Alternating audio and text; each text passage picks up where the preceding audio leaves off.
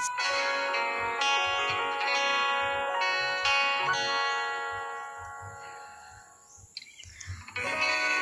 yakin sekarang ia sedang merasa bahagia.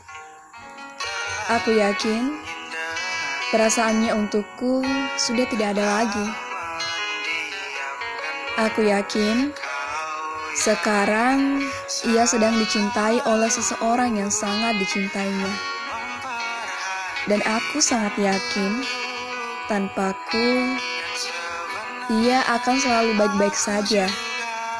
Gak apa-apa, berbahagialah selalu, meski bukan lagi aku yang menubuhkan itu.